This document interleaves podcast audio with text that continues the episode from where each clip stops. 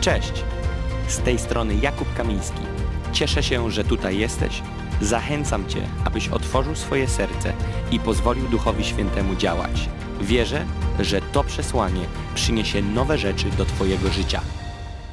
Ja wierzę, że uwielbienie powinno e, wyrażać stan faktyczny, a czasami się tak porobiło, że tak wielkie i wzniosłe słowa wydobywają się z naszych ust, że próbujemy trochę tak sercem i życiem dorównać do słów, które śpiewamy.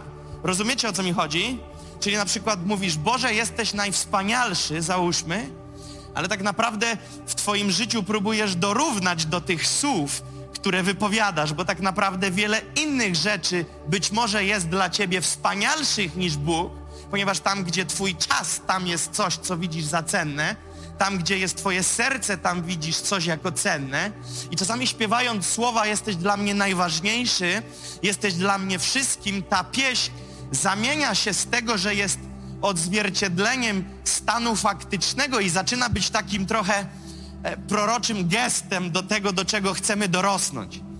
Ja, ja wierzę, że moment, w którym najbardziej niebo nawiedza ziemię i moment, w którym najbardziej doświadczamy wylania się Bożej manifestującej się obecności podczas uwielbienia, to jest wtedy, kiedy nasze słowa równają się z tym, co jest w naszym sercu i serce z ustami, myśli z sercem i stan faktyczny zostają wyrównane, ponieważ wtedy wchodzimy w, ten, w to miejsce, o którym mówił Jezus, że Ojciec szuka prawdziwych czcicieli, którzy oddawaliby Mu cześć w duchu i w prawdzie. I to, co próbuję przez to powiedzieć, to, że dziś rano, kiedy się modliłem, miałem pewien obraz, i myślałem, że ten obraz mam zostawić sobie w sercu na kolejny czas, kiedy będę głosił podczas jakiegoś nabożeństwa albo jakiejś konferencji. Więc y, tak naprawdę zapisałem tylko myśl przewodnią tego obrazu, który miałem, ale odkąd tutaj jestem, czuję, że ten obraz wylewa się ze mnie i że powinienem się nim podzielić. Więc ten obraz, który miałem, to miałem obraz, który mówił o tym, i to jest powiązane z tym, co teraz powiedziałem, że każdy wierzący człowiek powinien umieć, że tak powiem, na zawołanie zrzucić wszystko pod stopy i nie chodzi mi, że poświęcić swoje życie raz jeszcze, tylko chodzi mi o to, że w momencie na przykład zbiegu dziwnych, trudnych, splot jest dziwnych, trudnych sytuacji, dostajesz bombę informacyjną, załóżmy, to jest źle, to jest źle, to jest źle i co się naturalnie w człowieku rodzi? Rodzi się stres, rodzi się zamartwianie, rodzi się smutek, rodzi się zamieszanie, prawda? To jest normalne. Tak człowiek reaguje. Ale Bóg mi powiedział, to jest niewłaściwe, jeśli dopuścimy, aby zewnętrzne sygnały, zewnętrzne okoliczności wpływały na stan nasz w danym momencie. I, I Bóg mi pokazał ten obraz, że każdy wierzący jest powołany do tego, aby w każdym momencie mieć autorytet nad danym momentem. I teraz to, do czego zmierzam, to nie chodzi o informację o autorytecie, ale mówię w, o wejściu w to miejsce, gdzie w autorytecie egzekwujesz wypełnienie się tej wiedzy, to znaczy, że bez względu na to, co za bomba na ciebie spada, jesteś w stanie, tak jakby, żeby to spłynęło po tobie, jak to się mówi w naszym języku, jak po kaczce. I prawda jest taka, bądźmy szczerzy, że to jest w wielu przypadkach tylko fikcja i informacja, która dobrze brzmi w kościele, ale w praktyce, jak się zaczyna pożar, to zapominamy o Bogu. Gdzieś tam biegnąc przed płomieniami krzyczymy Boże uratuj, ale ta świadomość płomieni całkowicie nas pożera. Czy jeżeli ktoś tu jest na sali szczery, to może powiedzieć amen? To jest rzeczywistość, rozumiecie o co chodzi? Teraz my mówimy o tym, jak zmienić tą rzeczywistość, która jest na tym świecie wśród ludzi, którzy żyją bez Boga i jak wyegzekwować to miejsce w praktyce, w którym kiedy przychodzi bomba, kiedy przychodzi natłok jakichś informacji, kiedy przychodzi stres, kiedy przychodzi potężna lawina decyzji, które musisz podjąć lub, lub rzeczy, które zrobić, jak nagle nie przestawać być chrześcijaninem. Wiecie, bo chrześcijanin to ten, który chodzi cały czas z Bogiem. Niestety tak jest, że w życiu codziennym to nie jest tak, że my wyrzekamy się Boga, tylko po prostu przez ciąg sytuacji, ciąg okoliczności, tak jakby, tak jakby my zapo zapominamy gdzieś o tym Bogu, tak celowo mówię o tym Bogu i gdzieś tak jakby wypadamy ze świadomości tego chodzenia z Bogiem i wtedy, kiedy się tak zwany sztorm kończy, jest 23 i już jest cicho i, i, i już nic nie wyje, to nagle mówisz, o, to może teraz i tak jakby słowami mówisz, spędzę czas z Bogiem, te słowa sygnalizują tak jakby wrócę do Boga. Nie chodzi, że wracasz, bo go zostawiłeś, tylko tak jakby straciłeś świadomość obecności Bożej. Straciłeś świadomość osoby Boga w twoim życiu na te kilka godzin, ponieważ jest splot okoliczności, rozumiesz? To, to, to, tu, tu, tu, tu, tu, salwa leci i tak jakby mówisz sobie pod koniec dnia remanent dnia robisz i mówisz zacząłem dzień z Bogiem, zacząłem od tych słów dzień dobry Duchu Święty, pomodliłem się, czułem się, że, że, że jesteśmy jedno, ale gdzieś tam w okolicach 9.30 chyba patrząc wstecz się coś zgubiło. Rozumiecie, to nie chodzi, że zgubiłeś Boga, no nie da się go zgubić. Chodzi mi o to, że tak jakby tracisz świadomość obecności Boga i nagle sobie o 23 mówisz, o, ale jestem zaorany, ale jestem zatyrany, ale jestem przemęczony, ale jestem zestresowany, ale jestem przybity tym wszystkim. I tak jakby szukasz Boga gdzieś tam, gdzie go zgubiłeś i próbujesz go na nowo odnaleźć. Wiecie o czym mówię? Czy ktoś mnie rozumie? No chyba wszyscy, prawda? No nie trzeba więcej tego już tłumaczyć. Więc wiemy dobrze, o czym rozmawiamy. I teraz to nie jest właściwe. Ponieważ jeżeli będziemy w ten sposób żyli, to wiecznie będziemy skazani na to, że momenty, w których w cudzysłowie gubimy Boga, to są momenty, w których jak gubimy świadomość Boga, w tym momencie jesteśmy skazani na konfront z danymi sytuacjami ty sam względem tych sytuacji. I finał jaki jest, że o godzinie 20 przychodzisz jak po prostu po maratonie i mówisz, co się stało. I mówisz, Panie, odnów moje siły. Panie, odrestauruj mnie, postaw mnie na nowo. Wiecie, tak hardkorowymi modlitwami to się modlił Dawid, jak na niego Saul naciskał i chłop nie jadł trzy dni, trzy dni, trzy noce uciekał, to w takich ekstremalnych sytuacjach dochodziło do tego typu tekstu. Natomiast mam wrażenie, że my jako chrześcijanie dopuszczamy się tego ekstremum każdego dnia, w którym tak jakby poprzez to, że gdzieś tam gubimy, cały czas mówię nie wy, mówię my. Ponieważ my ludzie mamy tendencję do tego, że ciąg splotu wydarzeń nas wciąga jak po prostu, jak ruchome piaski, jak bagno nas wciąga w dół i pod koniec dnia ty mówisz, o, 19.06, panie, odrestaurujmy tę relację, którą dzisiaj rano o 9.07 zgubiliśmy. Teraz pytanie, co się działo między 9.07 a 19. Teraz zwyciężyłeś w tych godzinach? W. Zażartuję, ok? Spójrz w lusterko i odpowiedz. Wyglądasz jak zwycięzca. Ja nie mówię o zmęczeniu. Każdy z nas jest zmęczony. Jest, jak już mówimy dziś stricte o piątku, to każdy ma w piętach tydzień. Każdy ma w piętach ten piąty dzień roboczy. Więc masz to w sobie, przynosisz te zmęczenie, ale ja nie mówię zupełnie o fizycznym zmęczeniu, ja mówię o tym takim ala po prostu, no nie, no po prostu wypalony jest. I mówisz, Boże, tak jakby przychodzisz pod ten respirator Boży i mówisz, chcę zmartwychwstać, ale Bóg mówi, ty, ja myślałem, że ty zmartwychwstałeś, jak swoje życie mi oddałeś. Teraz to ty powinieneś żyć tym życiem zmartwychwstałym.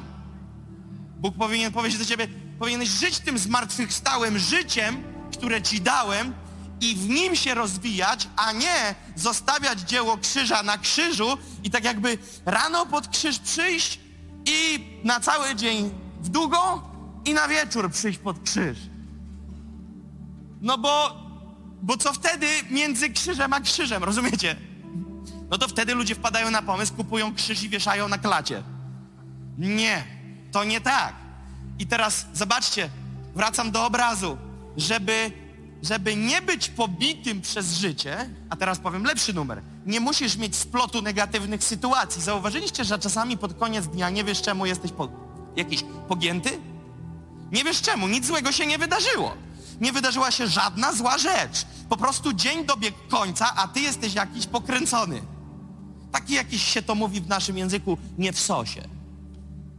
Ale jak to jest, że chrześcijanie, za których Jezus Chrystus, Syn Boga Żywego, oddał życie, dał swego Ducha Świętego, aniołów na wsparcie i wiele obietnic w całym Słowie Bożym, którzy mówią, że radość Pana jest moją siłą, Bóg jest moją wolnością, Bóg jest moją opoką, twierdzą, zbawieniem, chodzimy po przybijanie i mówimy, jakoś nie w sosie jestem.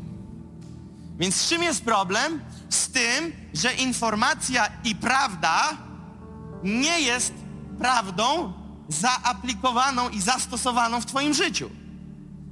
Więc to nie jest tak, że to nie działa. Zostawiamy Boga na Golgocie. A Bo Boga nie ma na Golgocie. Na Golgocie dokonało się dzieło i teraz Ty w tym dziele zbawienia możesz chodzić non-stop. Non-stop. Tylko właśnie tu dotykam tego miejsca, że ja, ja też, ja też mówię na to amen, ale później jest ta rzeczywistość między dziewiątą, siedem, a dziewiętnastą. Co tam idzie nie tak, że dzieje się to, co się dzieje. I Bóg mówi, pozwalają mi moje dzieci, aby rzeczy tego świata, czy to te świecące pozytywnie, czy negatywnie, wydarły im ich uwagę i skupienie ze mnie na te rzeczy. A wszystko, co z tego świata, uwaga, czy pozytywne, czy negatywne, zabierając wzrok Twój, skupienie stuprocentowe z Jezusa na te rzeczy, sprawia, i to jest cały pic, że Ty w tym momencie swoje serce otwierasz na coś innego. I teraz już nie ma różnicy, czy to jest coś złego, czy to jest coś dobrego. Otwarcie serca na cokolwiek poza chwałą Boga równa się, że przy otwartym sercu wleci do ciebie porcja miazgi, która cię zje. Wyobraźcie sobie, że mam tu taką otwartą rurę, ok? Trochę jestem, załóżmy, jak samochód elektryczny, do którego możesz się wpiąć. Nawet może być ten stary daty spalinowy. Teraz z samochodami to jest tak, że one mają tą wpinkę na elektryczne gniazdo lub wlew baku, mają zamknięty na co dzień. I tylko kiedy podjeżdżają na stację, otwierają. Ponieważ nie mogą jeździć z otwartym wlewem, bo tam musi być higiena. To musi być zamknięte i do tego baku nie może wlać się nic innego niż święte paliwo. Jeżeli wlejesz do baku cokolwiek innego niż to, co jest przeznaczone, aby się tam wlało, zatrzesz silnik i nie wyjedziesz nawet ze stacji. Wlej złe paliwo, nie ruszysz nawet ze stacji. Zaorasz samochód. Więc teraz to jest zamknięte. Wlew otwiera się tylko na to, na co powinien się otworzyć, co mu nie zaszkodzi. Łapiecie to? Bo ja mam już gęsią skórkę. Więc teraz, kiedy my żyjemy, mamy tu wlew, ok? Nasze serce. I, I Biblia mówi o otwartym sercu i zamkniętym sercu. I teraz jest tylko jeden dopływ informacji i jedno miejsce, przed którym możesz otworzyć swoje serce. Na wszystko inne, na co otworzysz, cię zmiecie. Więc teraz chodzisz z otwartym sercem, to dlatego Jezus powiedział pilniej niż wszystkiego innego strzeż swego serca, gdyż z niego tryska źródło życia. Więc jeżeli ty otwierasz wlew swojego serca, czyli otwierasz swoje serce na coś innego niż na Jezusa, w tym momencie, tam gdzie otwierasz, tam może coś się do ciebie wlać. I teraz co Biblia mówi o wrogu? Że wróg chodzi wokoło jak lew ryczący. Na jaki moment czeka? Ponieważ on, on poluje. Więc kiedy myśliwy poluje, to on poluje na moment dogodny, w którym może zestrzelić swój cel. Teraz jeżeli diabeł chodzi wokoło i poluje, to na jaki moment poluje, zgadnij. Skoro ty jesteś pod ochroną, to jego polowanie byłoby bez sensu, bo nigdy by nic nie upolował. A uwierz mi, on jest dobry, myśliwy i upolował wielu wierzących. swoim pakietem, który ma depresji i tych innych różnych pakietów. Więc teraz, który to jest moment, że to wjeżdża? Ha, otwartego serca. Jak to działa? W praktyce dzieje się coś, na co ty się otwierasz. Cały ty, cały twój byt, wszystkim czym jesteś, nagle robi. Kiedy robisz to, w cudzysłowie, to, wiesz co się dzieje? Cała twoja dusza, całe twoje serce, cały twój umysł robi coś takiego. Otwiera się.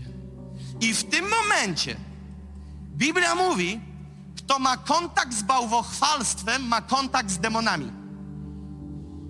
Bałwochwalstwo czym jest? Nie padaniem przez posągami. Bałwochwalstwo jest uznaniem czegoś ważniejszego niż sam Bóg. Teraz zobaczcie, co się dzieje. Ilu wierzących ma inne rzeczy niż Boga na pierwszym miejscu? Nie mówmy w niedzielę o 10, tylko w realu. Wielu wierzących ma na liście priorytetów inne rzeczy i inne osoby niż Boga. Niektórzy powiedzieli mi nawet wprost, dla mnie najważniejsza jest rodzina, nie Bóg. Więc teraz otwierasz się i jesteś bałwochwalcą, ponieważ coś innego jest ważniejsze dla ciebie niż Bóg. I teraz pod tym adresem otwierasz swoje serce. I w tym momencie diabeł mówi, ten jest mój. I wjeżdża, ponieważ masz otwarte serce. Nie zrani żadnej dziewczyny, chłopak, jeżeli dziewczyna najpierw się na niego nie otworzy, czyli się w nim nie zakocha. Co to jest te zakochanie? To jest moment, w którym cała ty poszłaś za tym swoim myśleniem, swoim sercem, swoimi emocjami, swoją duszą. Wtedy można cię zranić. Jeżeli nie, za, nie otworzyłaś się, jeżeli się nie rozpaliłaś na ten temat, to nie, nieważne, czy on cię odpali w cudzysłowie, czy, czy będzie z tobą to kontynuował, to cię nie zniszczy, ponieważ nie ma jeszcze silnej nici. Ale dlaczego ludzie popełniają samobójstwa, kiedy ktoś ich zostawi? Ponieważ wszystkim, co mieli, otworzyli swoje serce na tą osobę. I teraz, kiedy ta osoba mówi pa, nic z siebie nie zostaje. Dlaczego? Ponieważ twoje serce tam było i nagle ktoś je wyrwał z bebechami. Nie macie. Więc Twoje serce, Jezus mówi, musi być ulokowane priorytetowo we mnie. Co znaczy ulokowane serce w Jezusie? To znaczy, że mam nie otwierać swojego serca na moją żonę Sarę, nie otwierać swojego serca na moje dzieci, nie otwierać swojego serca na znajomych, nie otwierać swoje serca na to, jak zobaczę w Portugalii falę 30-metrową? Nie? Nigdzie tak nie jest napisane? Nie jest napisane na nic innego nie otwieraj serca, jest napisane pilnie niż wszystkiego innego strzeż swego serca. Co to znaczy? Oznacza to, że jesteś człowiekiem, który ma 100%, nie masz 110, masz 100. Teraz jeżeli na jakikolwiek adres przeznaczysz 60% serca, to ile ci zostało? 40. Możesz sobie opowiadać, jak chcesz. Jeżeli na coś oddałeś 60, została ci 40. Teraz pomyśl sobie, że 60% swojego serca, na przykład mówię do młodych ludzi, po zaręczynach, na 5 minut przed ślubem, że 70 twojego serca procent jest ulokowane w tej drugiej połówce. ok? Okay? nie, bo to brzmi jakby połowę ominęło. Powiedzmy o faktycznych sytuacjach. Załóżmy, że 30, 40% jest dedykowane twojego serca na rodzinę, 30 na pracę, masz 70. Ile zostało? 30. Teraz oddasz jeszcze 10 na coś tam, 5 na swoje hobby, surfing, nie wiem, kręgle, łowienie ryb. Oddasz na to swój czas. Więc było 70, dodajesz dyszkę, załóżmy, zostaje ile? 20. Boga na liście nie ma. I teraz powiesz, Boże, kocham Cię całym moim sercem. Herezja, zostało Ci 20%. Jedyne, co Mu możesz dać w tej chwili, to tylko 20 a jeszcze nikt nie powiedział, że to, co ci zostało, w pełni przeznaczysz na niego, bo są tak zwane atrakcje niespodzianki, gdzie się otwierasz. I później przychodzimy na piątkowy wieczór uwielbienia albo w niedzielę na nabożeństwo i mówi, Boże, kocham Cię z całego serca, ale nic się nie dzieje, Bóg Cię nie dotyka. Dlaczego? Ponieważ przewód, który Mu dajesz, aby Cię dotknął, ma 20% i się dziwisz, że nie płynie setka i patrzysz obok na Marcina, Ewę, Sebastiana, jak wielbią, Bóg ich dotyka i mówisz, wow, Bóg to ich kocha, mnie to nie. Nie. Bóg nie kocha nikogo mniej lub więcej, wszystkich kocha tak samo. Więc gdzie jest awaria? Awaria jest w tym, że nie ma przez co przepłynąć. Dlaczego? Bo Bóg przepływa przez otwarte serce. Więc teraz, jeżeli zostawiasz dwudziestkę nad spotkanie, a jeszcze podczas spotkania myślisz o pięciu innych rzeczach, to nie ma opcji, aby Pan ci mógł cokolwiek zaserwować podczas tego spotkania. I jesteś zdziwiony, że nic się nie dzieje. Więc, żeby wejść w miejsce, o którym tu mowa i o którym Duch Święty mówi, to jest grube objawienie. Więc teraz, kiedy mówimy o tym, aby dać setę, to nie chodzi o to, że do żony powiesz, nie kocham cię, bo setkę mam dla Pana. Nie, nie, nie. Tu chodzi o to, że najwięcej jest wklejone w Boga. Teraz zobaczyłem jeden artykuł, w który już mówię, co to znaczy w praktyce w Boga. Widziałem jeden artykuł, który mówił o kobiecie, która straciła w wypadku męża i dwójkę dzieci. Katastrofa, to jest tra tragedia. To, to mówmy wprost, to jest dramat. To jest totalny dramat życiowy. Tracisz w wypadku, siedzisz w domu, czekasz na rodzinę, kiedy wróci, a twój mąż z dwójką dzieci ma wypadek i nie wracasz do domu. Nie wracają do domu, już nigdy nie wrócą. ok? Artykuł został przeprowadzony i wywiad z tą kobietą x czasu po wypadku, nie na świeżo lat kilka być może, nie pamiętam dokładnie ile. I zapytali ją, jak sobie radzisz? Ona mówi, od tego dnia nie żyję. Nie mam sensu i celu życia. Moje życie nie istnieje. Po prostu jestem, ale nie żyję. Cały sens mojego życia, mojego istnienia, mojego funkcjonowania przepadł tamtego dnia na tamtym drzewie. Nie żyję. Nie ma mnie. Coś we mnie umarło. Ale jest drugi artykuł i historia, którą część z was słyszała, jak pewien pastor głosi na nabożeństwie. Jego żona i dziecko są w domu. Dziecko jest kilkumiesięczne i on głosi, głosi, głosi. I ktoś z służby porządkowej podbiega do sceny i przekazuje mu informację na ucho. Twoje dziecko wypadło z okna i umarło teraz. Umarło, leży, umarło, nie żyje. Chcieli, żeby przestał głosić, pobiegł do rodziny. A on powiedział, nie przeszkadzaj mi, kiedy głoszę, słysząc, co powiedzieli. To, to jest dla mnie jakiś kosmos. I nikt i nic nie było w stanie zakłócić tego, w jaki sposób głosi. Pomyśl sobie, jak musisz być wbity w Jezusa, że dostajesz gwoździa między oczy pod tytułem Twoje dziecko wypadło z okna, a Ty mówisz nie przeszkadzaj mi, bo dokańczam kazanie. Po spotkaniu, kiedy je dokończył, poszedł do domu i wskrzesił dziecko z martwych.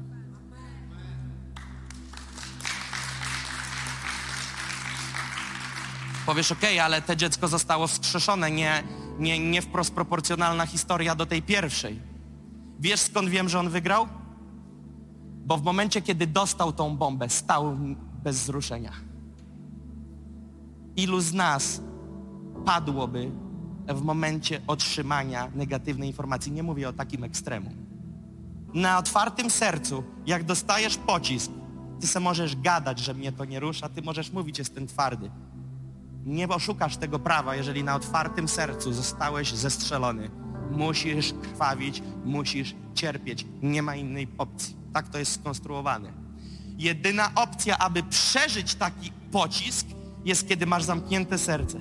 Więc mieliśmy pewne raz zdrowotne problemy z Dawidkiem, pewnego rodzaju jakiś tam problem, niewielki, nie wiedzieliśmy co to jest, ale Dawidek cierpiał przez kilka dni. I poszliśmy do lekarza i robiliśmy badania i powiedzieli, że jak ten wynik, ten wynik ma, e, na kuli mu palec z krwi mieli pobrać i tam brali wynik. Pani powiedziała, że tam chyba robi wynik, mówi, cyferki powiedzą Dawidku, jak u ciebie. A ja mówię, proszę pani, a ile na tym ekranie ma się pojawić? Ona mówi, no od tylu do tylu, to znaczy, że dobrze. Ja mówię, okej. Okay. I wynik się właduje, tam procenty szły, a ja przy tej maszynie stałem. I wiecie, co czułem? Jak otwieram swoje serce. Czuję, jak się moje serce otwiera na ten wynik. Co będzie, jeśli? I na zasadzie, jak wyjdzie, że będzie więcej, to co zrobię, a jak wyjdzie, że mniej, to och, Boże, dzięki Ci, bo bym normalnie umarł. Nie. Wiecie, co zrobiłem? Czułem, jak jest w tych procentach, kiedy rosły do stu, kiedy produkowało wynik, jak moje serce jest kradzione. wyrywane. I chcę zaznaczyć, to nie była poważna sprawa. Wtedy jeszcze nie wiedzieliśmy, ale y, było podejrzenie czegoś i nawet jakby to wyszło w tym podejrzeniu, to nie jest to jakiś dramat, aczkolwiek jest to smutne, ale nie dramat. I ja patrzę, jak ten wynik się ładuje i ja czuję, jak moje serce się dosłownie jest kradzione. Czuję ten schemat, że on się dzieje, otwiera się na to. I wiecie, co zrobiłem wewnątrz siebie? Ty rządzisz bez względu na informacje. Ty rządzisz bez względu na informacje. Ja ogłaszam, że stoję twardo bez względu na ten wynik. I wtedy wynik wychodzi pięciokrotnie chyba wyższy niż miał być. I czuję, że przeżyłem ten pocisk pierwszy. Pięciokrotnie gorzej jest niż miało być. Pięć razy wyżej niż wyniki w normie. Stoję. To nie znaczy, że ha, ryba mi, czy mój syn jest zdrowy, czy nie. Nie, nie, nie, broń Boże, nic z tych rzeczy. Ale nie zostałem zabity w tym momencie. Stoję twardo. Co by mi to dało, gdybym dostał bombę i leżał teraz? Do czego będę przydatny? Co zrobię? Co to zmieni? Ktoś powie, o, twardziel, po prostu bez emocji, bez serca, wariat. Nie kocha swojego syna. Nie, ja go kocham prawdopodobnie bardziej niż ci się wydaje, ale w tym momencie, poprzez to, że stanąłem i wbi... I to jest ten klucz, to jest ten moment. Bez względu na to, co idzie i odwraca twój wzrok, to była ta wojna na wodzie, kiedy Piotr chodził po wodzie i fale mówiły, Piotrze, spójrz na nas. Wciągniemy cię na twardo, utoniesz. Ale Biblia mówi, dopóki patrzył na Jezusa, szedł. A kiedy spojrzał na falę, co jest napisane? Zaczął się topić. I Jezus zganił go za co? Za niewiarę. Jak to za niewiarę? Przecież chłop miał wiarę. Przecież wiara, przecież bez wiary nie da się chodzić po wodzie. A jednak Jezus go załatwił za, za niewiarę, więc jeżeli zachodzenie po, wodę, po wodzie dostajesz ocenę niewiary, to co trzeba zrobić, żeby być człowiekiem wiary? Jezus nie zganił go, że Piotr wychodził z łodzi bez wiary, ponieważ Piotr wyszedł przez wiarę i szedł przez wiarę. Jezus zganił go za to, że Piotr przeniósł swój wzrok z fali, z Jezusa na falę. Dlaczego? Ponieważ wiara jest pewnością i przeświadczeniem tego, czego nie widzimy, czego nie słyszymy, ale czego się spodziewamy. Więc dzisiaj ty nie widzisz fizycznie Jezusa, ty nie widzisz Jego osoby fizycznie w białej szacie z długimi włosami i w sandałach, yy, w sandałach yy, jakichś firmowych, tylko ty dzisiaj musisz przez wiarę ulokować swój wzrok i swoje serce w Jezusie, więc ty go nie widzisz fizycznie, ale w swoim sercu, swoimi myślami mówisz, stoję na tobie, stoję na skale i, z, i teraz tu nie chodzi o deklarację słów, bo teraz ktoś powie, ha, to chodzi o wyznawanie, tak? Nie, nie chodzi o wyznawanie.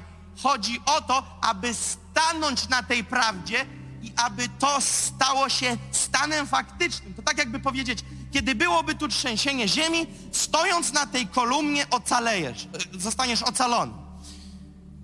O tak, ja wyznaję, że kolumna jest moim udziałem. Kolumna to moja opoka, ja ogłaszam, że ja stoję na kolumnie. Jak ktoś normalny przyjdzie i powie, człowieku, wariacie, kolumna jest metr dalej. Na kolumnie nie stoisz, stoisz na scenie. Jeżeli będziesz dalej stał, chłopie cię wciągnie na dół, na salę, na dole. Ale nie, ty mi nie mów jak jest, bo ja wiem jak jest. Ja ogłaszam w imieniu Jezusa, że ja stoję na kolumnie.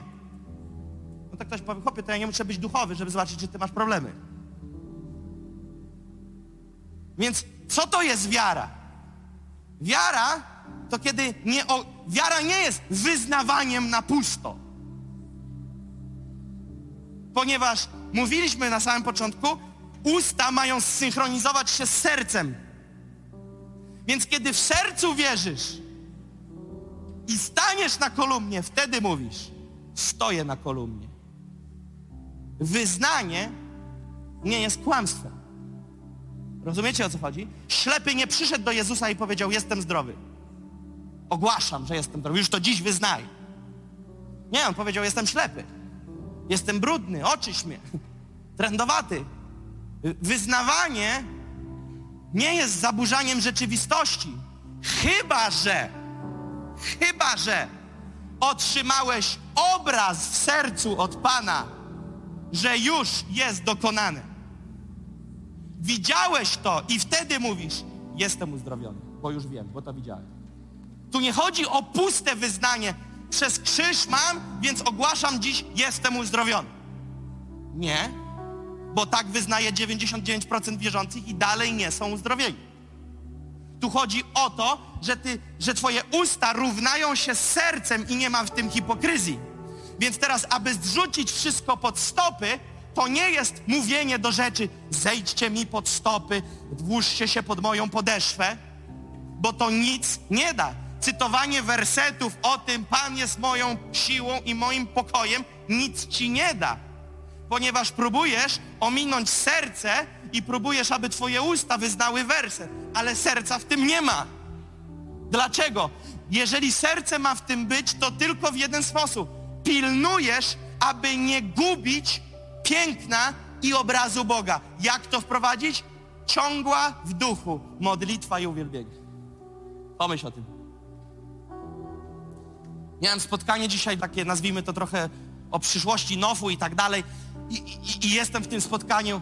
E, działam, spotkanie trwało 5 godzin i podczas 5 godzin wyjdziesz kilka razy do toalety, zwłaszcza, że dużo gadasz, więc dużo pijesz, więc kurs do toalety i tak sobie w tym kibeleczku myję rączki i tak w międzyczasie Panie, ale młyn, ale młyn, ale się dużo dzieje. Ale ja ogłaszam, Panie, że to, co widzę, jest moim stanem faktycznym, że to wszystko nie ściąga mojej uwagi. Tak jest młyn, ale zawsze widzę ten obraz takiego wierzchołka góry, tych problemów, na którym ostatnim wierzchołku staję i wpatrzony w Jezusa. Tu nie chodzi o podniesioną głowę, tu nie chodzi, że w toalecie wznoszę wzrok, albo podczas rozmów trudnych z ludźmi mówię, poczekaj chwilę, bo wezmą cię za wariata. Tu nie chodzi o gest, tu chodzi o oczy Twego serca. W Efezjan 1,18 jest, że otworzyły się oczy ich serc. Więc Twoje se serce ma oczy. Co za herezję? No w Efezjan napisane. Otworzyły się, otworzył, sprawił, że oczy jego serca ujrzały. Więc co to oznacza? Że Twoje serce może patrzeć na różne rzeczy. Na co patrzy dziś Twoje serce? Widzisz?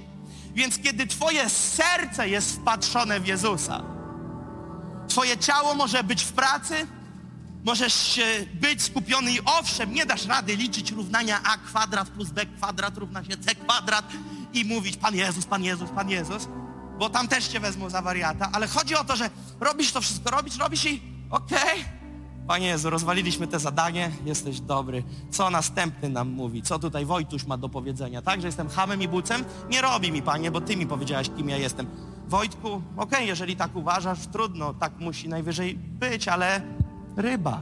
Ludzie mnie pytają, jak Ty sobie tak zachowujesz serducho i nie gadasz źle o tych, którzy o Tobie źle gadają publicznie w internecie? Wiesz dlaczego?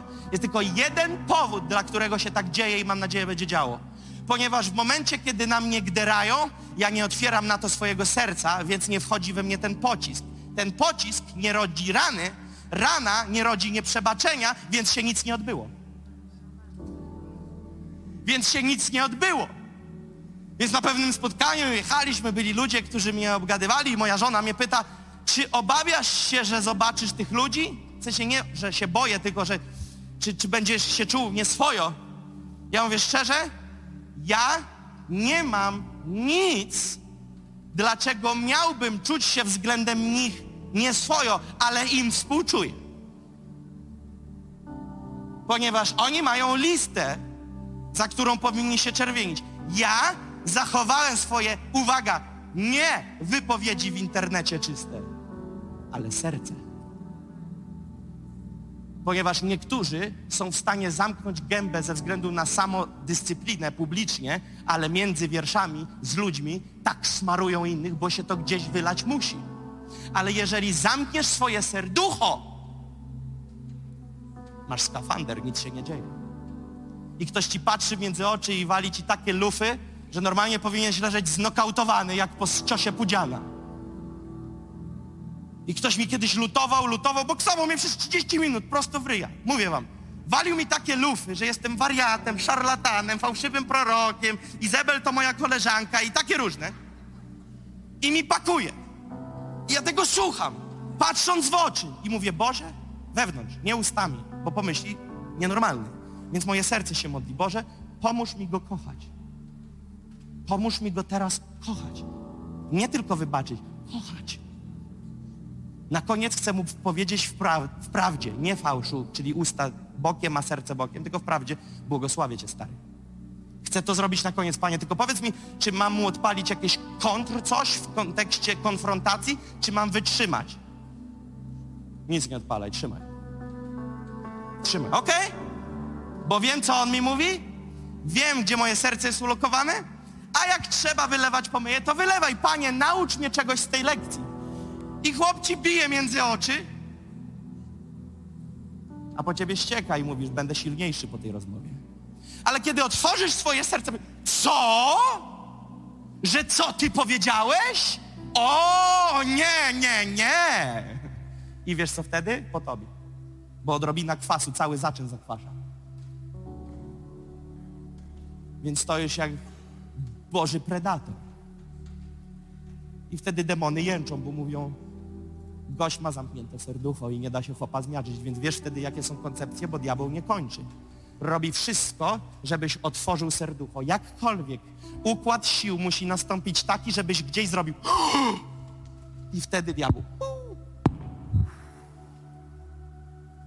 Więc jeszcze raz, jak zbijać wszystko pod stopy? Pustym wyznawaniem? Nie. Krzyczeniem, Panie, Ty jesteś moją siłą, każda myśl podana Chrystusowi? Nie.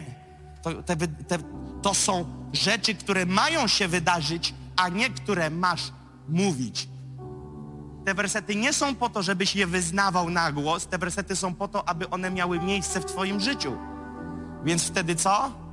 Wszelka myśl poddana Chrystusowi, to Ty nie musisz Bogu tego przypominać, Ty to zrób. Ale jak? Jak nie masz kontroli nad własnymi myślami. Czemu? Bo twoje serce było otwarte na tamte rzeczy, na tamte wydarzenia i mówisz, Panie Jezu! A kiedy krzyczysz, Panie Jezu, widzisz wydarzenie z pracy dzisiaj o 14. Mówisz, Panie Jezu! A widzisz jutrzejsze wydarzenie o godzinie 11. Krzyczysz, Panie Jezu! A ciągle słyszysz szefa, który mówi, będziemy mieli cięcia w firmie. Mówisz, Panie Jezu! A ciągle widzisz tą kłótnię ze swoją żoną lub mężem z zeszłego tygodnia. I na spotkaniu Twoje słowa śpiewają piękne piosenki. Twoje ręce wyglądają jakby były w siódmym niebie. Ale w Twoim sercu się nic nie dzieje. I wychodzisz ze spotkania uwielbieniowego tak samo, a nawet gorzej, niż na nie wszedłeś, bo oprócz tego, że nic nie dostałeś, to jeszcze w pakiecie wychodzisz z rozczarowaniem i goryczą. I mówisz, jak się nic nie dzieje, to po co ja tu przyjdę za tydzień? Jak co tydzień przychodzę i mówię, Boże, i nic się nie dzieje. Ja ci powiem, nie ma prawa się zadzieć, bo twoje serce było gdzie indziej. Ale powiesz teraz, ale ja, ale ja już o tej 19 ja już robię przekładnie. Wyjmuję stamtąd i wkładam do Pana. Mhm. To tak przesadź drzewo, tak z sekundy na sekundę, tak przebij i śladu nie będzie. Już za późno, już przegrałeś. To dlatego przed spotkaniem, na przykład kiedy głoszę, robię ekstremum, jeżeli, jeżeli chodzi o wycięcie się dla Pana. Ode mnie Pa, ja chcę być totalnie na zewnątrz. Totalnie na zewnątrz systemu, przed głoszeniem. Nikt i nic, niech do mnie nie gada. Ponieważ ja mam, tam jestem, tam, tam. Nie jestem tu, jestem tam. I kiedy wchodzę, mam tylko jeden cel. Widzę go przed oczami powiem wam szczerze, czasami mam takie momenty, w których wiem, że na sali jest 300, 400, 500 osób, ale ja tych osób nie widzę. Mam takie momenty, mam taki odjazd czasami, że ja nie wiem, co się dzieje. Mam niekiedy momenty, jak czuję, że tracę kontrolę nad swoim ciałem. I mówię, kurczę, jak ten aparat mowy dalej mówi, jak to już ja nawet sam nie rozumiem, co się dzieje. I masz totalny odjazd, idzie, leci, to to po prostu tak jakbyś straciłeś kontrolę. Dlaczego? Ponieważ tak bardzo wpatrujesz się w Niego, że nagle On staje się bardziej wyrazisty przez Ciebie niż Ty sam przez siebie. I nagle ludzie mówią, hm, to już nie On. Ale kiedy to jest możliwe? No, jak Pan zechce, to tak zrobi. Nie. Pan chce cały czas. Przez każdego z nas. Pytanie, czy my Mu na to pozwolimy. Więc co potrzebujemy robić, jeżeli chcemy mieć większy wymiar chwały na spotkaniu? Musimy mieć grubsze przewody, które będą przewodzić Jego chwałę. Czyli co zrobić? nasze serca, nasze myśli gruntować już w Nim. Jedziesz tramwajem na spotkanie i masz prawo, bo ja też chcę wiedzieć, co się dzieje na świecie. I masz prawo od 18 do 19 scrollować wiadomości na Onecie. Masz do tego prawo. Masz prawo posłuchać wszystkiego, co mówią w RMF Max i Z. Masz prawo przesłuchać dziennika informacyjnego. Masz do tego prawo, nikt ci nie zabroni. Ale zarzucisz się kolejną dawką tysięcy informacji. Jak to Putin powiedział, że też o Polsce myśli? A moja ciocia mieszka pod Białymstokiem. I jak z tamtej strony wejdą, to ciocia pierwsza, a ciocia niezbawiona. Jak my to przyjdziemy? I teraz to, tamto. I ty, a co, czekaj, co śpiewamy? Kiedy zanurzam się w twojej chwale, nie chcę już nic, a jak ciocia, ciocia, ciocia, ciocia. Nie ciocia, tylko Jezus. Jezus. I za tą ciocię możesz sobie podstawić do wzoru twoją pracę, dzieci, rodzinę, wszystko. To nie jest ten moment, więc przychodzisz i dlatego ja często preferuję modlitwę ofensywną. Dlaczego? Bo potrzeba ofensywnej modlitwy na początku. Dlaczego? Ponieważ wszystkie myśli są głośno, tak? Mówią, a myśl o nas, praca, problemy, rata kredytu. One krzyczą do ciebie te informacje, więc wtedy ty co robisz? Kontrujesz. Jezus jest większy. Jezus jest królem. Wszelka myśl, cisza. I dopiero później możemy wylądować w miejscu, gdzie zespół nas prowadzi poprzez usługę Ducha Świętego, gdzie po 40-50 minutach jest tak zwana. Dlaczego? Bo tu już można.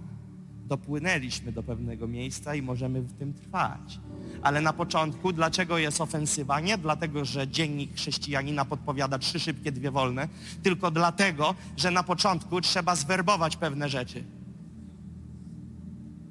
Więc ofensywnie, głośno, ale kiedy przychodzisz i się nie odzywasz, to co się dzieje? Twoje myśli w tobie się odzywają. O!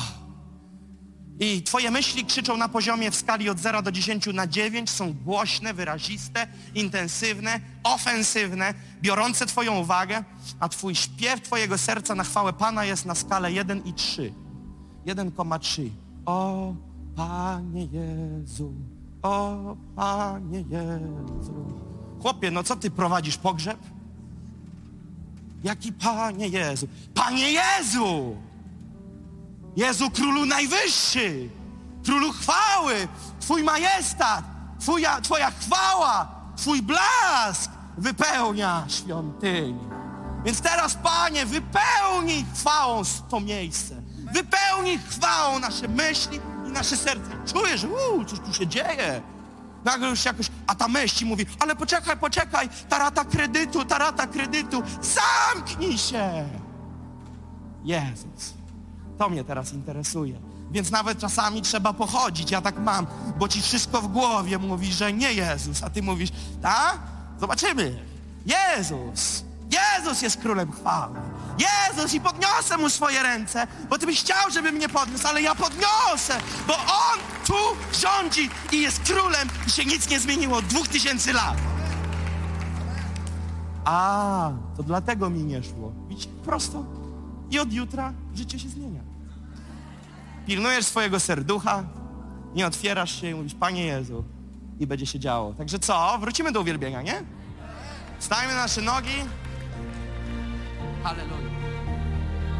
Modlę się, aby to przesłanie zaprowadziło Cię do zwycięskiego życia z Jezusem. Zajrzyj na moje media społecznościowe, gdzie możesz dowiedzieć się więcej o służbie Nations on Fire lub wesprzeć nas finansowo. Pozostajmy w kontakcie.